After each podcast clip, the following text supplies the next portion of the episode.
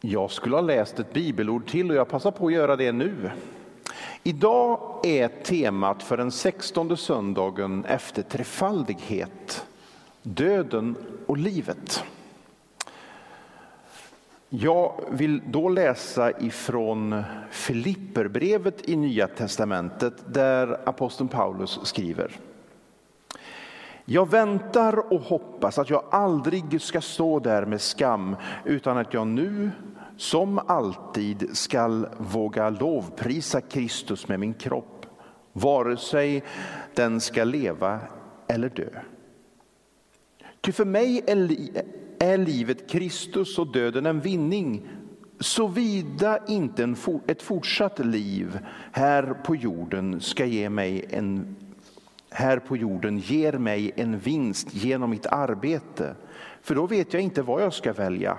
Jag slits åt båda hållen. Jag längtar efter att bryta upp och vara hos Kristus. Det vore ju det allra bästa. Men för er skull är det viktigare att jag lever kvar här. Det är jag övertygad om. Och jag vet att jag kommer att bli kvar och stanna hos er alla för att hjälpa er till framsteg och glädje i tron. Och genom mig, genom att jag kommer till er igen, skall ni bli allt stoltare över att tillhöra Kristus Jesus. Ord som Paulus skriver i fångenskap. Och ni har en annan text framför er, va? Nej, det har ni inte, inte än. Den kommer om en liten stund. Den text jag tänkte att vi skulle utgå ifrån för en liten fundering. Ehm, jag vill bjuda med er i ett samtal som jag har haft ehm, med texten. Ehm, vi läser den texten, eller jag läser den texten och du får följa med. Den finns i Markus evangelium, det femte kapitlet, verserna 34 till 45. Medan Jesus ännu talade kom det bud till synagogsföreståndaren från hans hem. Din dotter är död. Du ska inte besvära mästaren längre. Men Jesus som hörde deras ord sa till föreståndaren, var inte rädd, bara tro. Sedan lät han ingen mer än Petrus och Jakob och hans bror Johannes följa med. Och de gick hem till föreståndaren där såg han upprörda människor som grät och klagade högt. Han gick in till dem och sade, varför ropar ni och gråter? Flickan är inte död, hon sover. Då skrattade de åt honom, men han körde ut allesammans och tog med sig flickans far och mor och lärjungarna och gick in där hon låg. Så tog han barnets hand och sade, Talita koum, som betyder lilla flicka, jag säger dig, stig upp. Och genast reste sig flickan och gick omkring. Hon var tolv år gammal. Det blev utom sig av förvåning. Men han förbjöd dem att låta någon veta vad som hade hänt. Sedan sa han åt dem att ge flickan något att äta. När vi kommer till Nya testamentet så är det i princip omöjligt att undkomma underberättelserna. De finns där eh, strösslade över hela texten. Det här är också en sån berättelse.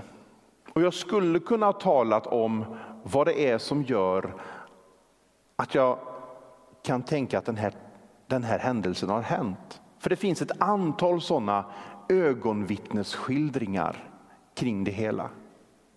Sådana saker som man i, när man läser om, eh, om bibelkunskap poängterar att det där hör inte riktigt hemma, det där för inte fram texten riktigt. Som hur gammal hon är, hur folk reagerar när Jesus säger någonting storslaget eller att han bara som från ingenstans säger ge henne mat att äta. Det för inte berättelsen framåt utan kan mer ses som Någon har berättat detta och berättar vad den kommer ihåg om situationen. Då kommer sådana händelser med. Som liksom är lite speciella men inte för fram någonting nytt i berättelsen eller gör den eh, så storslagen.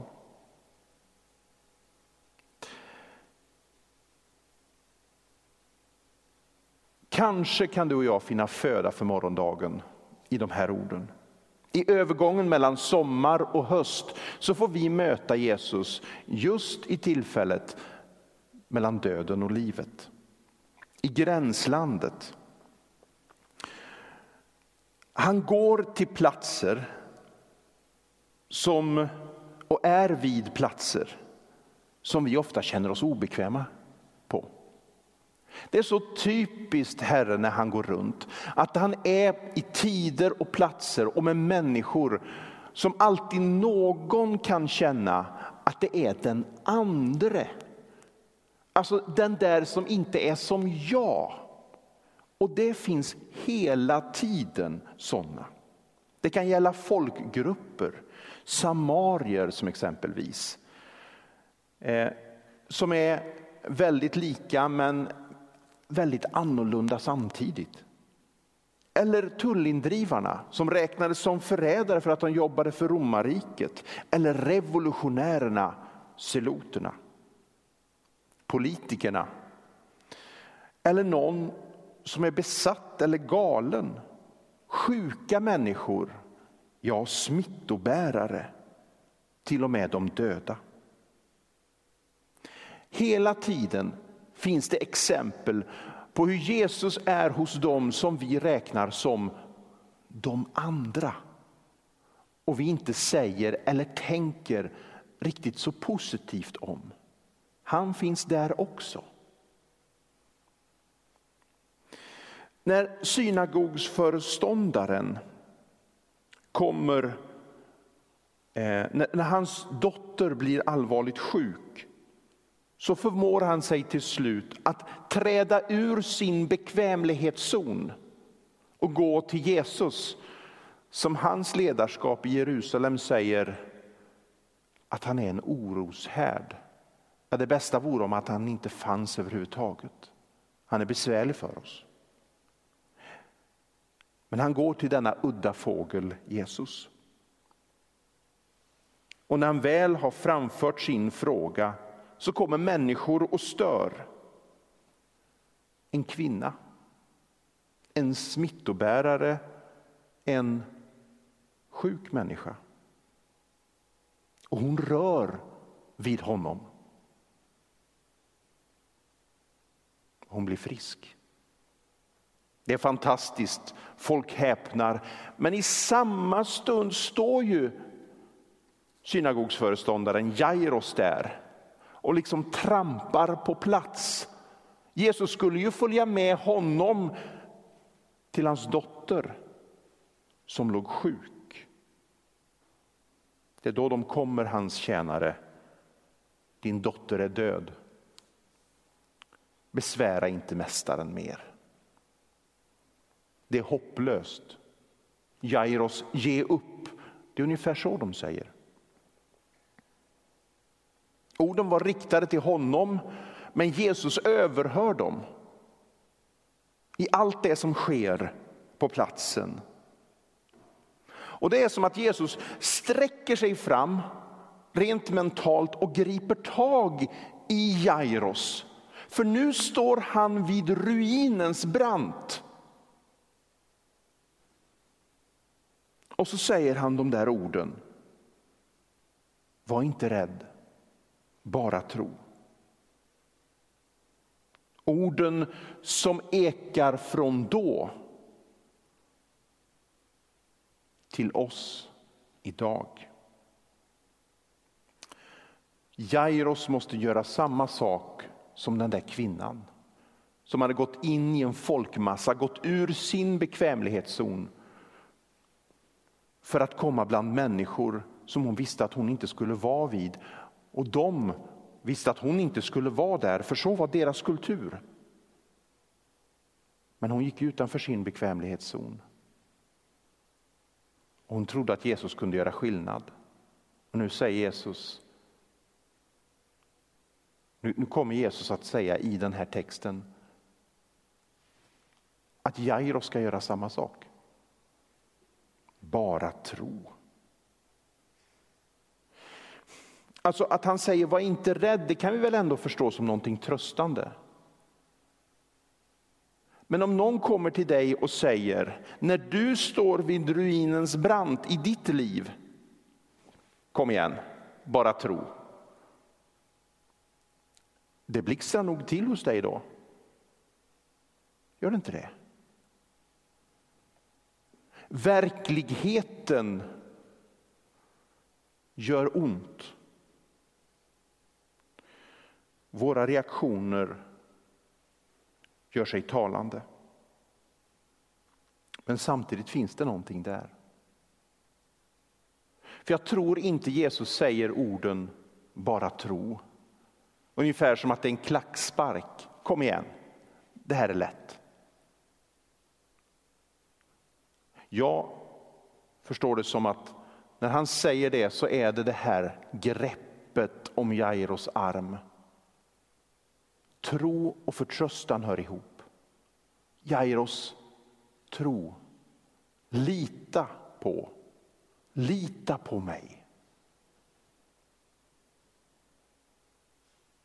Så kommer Jesus till den där platsen, hemma hos Jairos. De professionella sörjerskorna som användes under antiken fanns där. Man grät högt. Inte den där typen av gråt vi har utan ett fabricerat gråt så att säga. En del av kulturen, till och med de fattigaste skulle ha dem. Man skulle hyra en gråterska, eller rättare sagt minst två. Det hörde till liksom. Precis som vi har saker och ting som hör till i våra liv. Och så säger Jesus återigen provocerande ord. Varför gråter ni? Flickan är inte död, hon sover. I Gamla testamentet så refereras döden till som sömn. Så det låter kanske inte lika illa som när vi hör det. Att hon sover. Men folk reagerar de skrattar åt honom, de hånar honom. Säkert finns här aggression, hur han vågar säga något sånt i det här huset. Men här befinner sig Jesus. I den platsen, i ditt och mitt liv, där vår bekvämlighetszon inte finns. Eller i någon annans liv och Det är som att han säger till oss, lita på mig, var inte rädd. Jag tror att vi alla har sådana platser.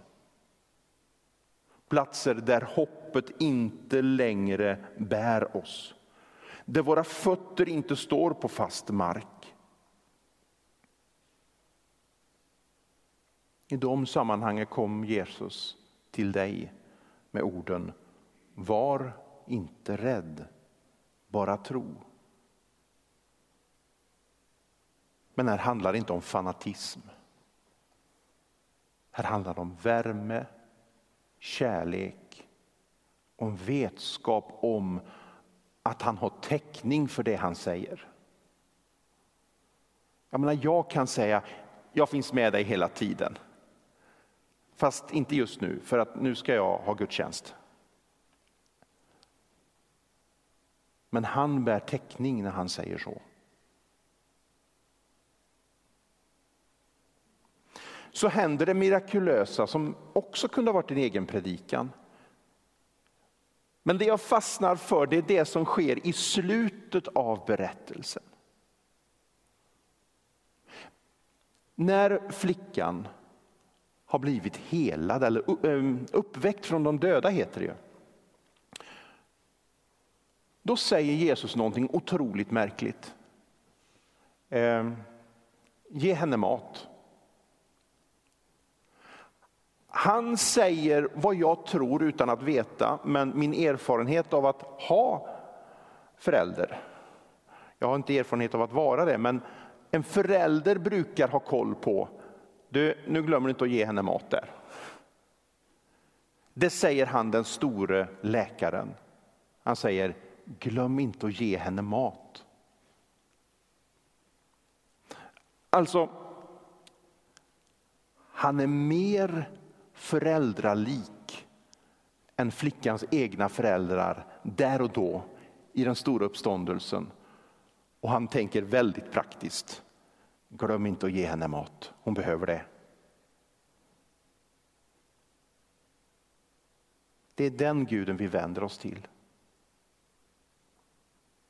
En Gud som vet om dina praktiska behov. En Gud som ständigt på något sätt leder dig till din bekvämlighetszons gräns. Och när du är där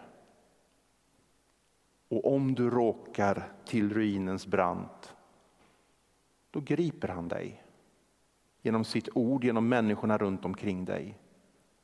Var inte rädd. Bara tro. Vi ber. Herre, inför det vi inte förstår får vi ibland göra som Martin Luther och lyfta på hatten och gå vidare. Men ibland är det vi inte förstår just det vi lever i. De där gränserna i våra liv dit vi inte kan gå längre. Där benen inte bär oss, där sinnet inte orkar. Du är också där. Vart kan vi gömma oss? frågar salmisten. Du finns ju överallt. Herre, låt oss få gömma oss i dig. Du är vår trygghet, vår mening och vårt mål. Amen.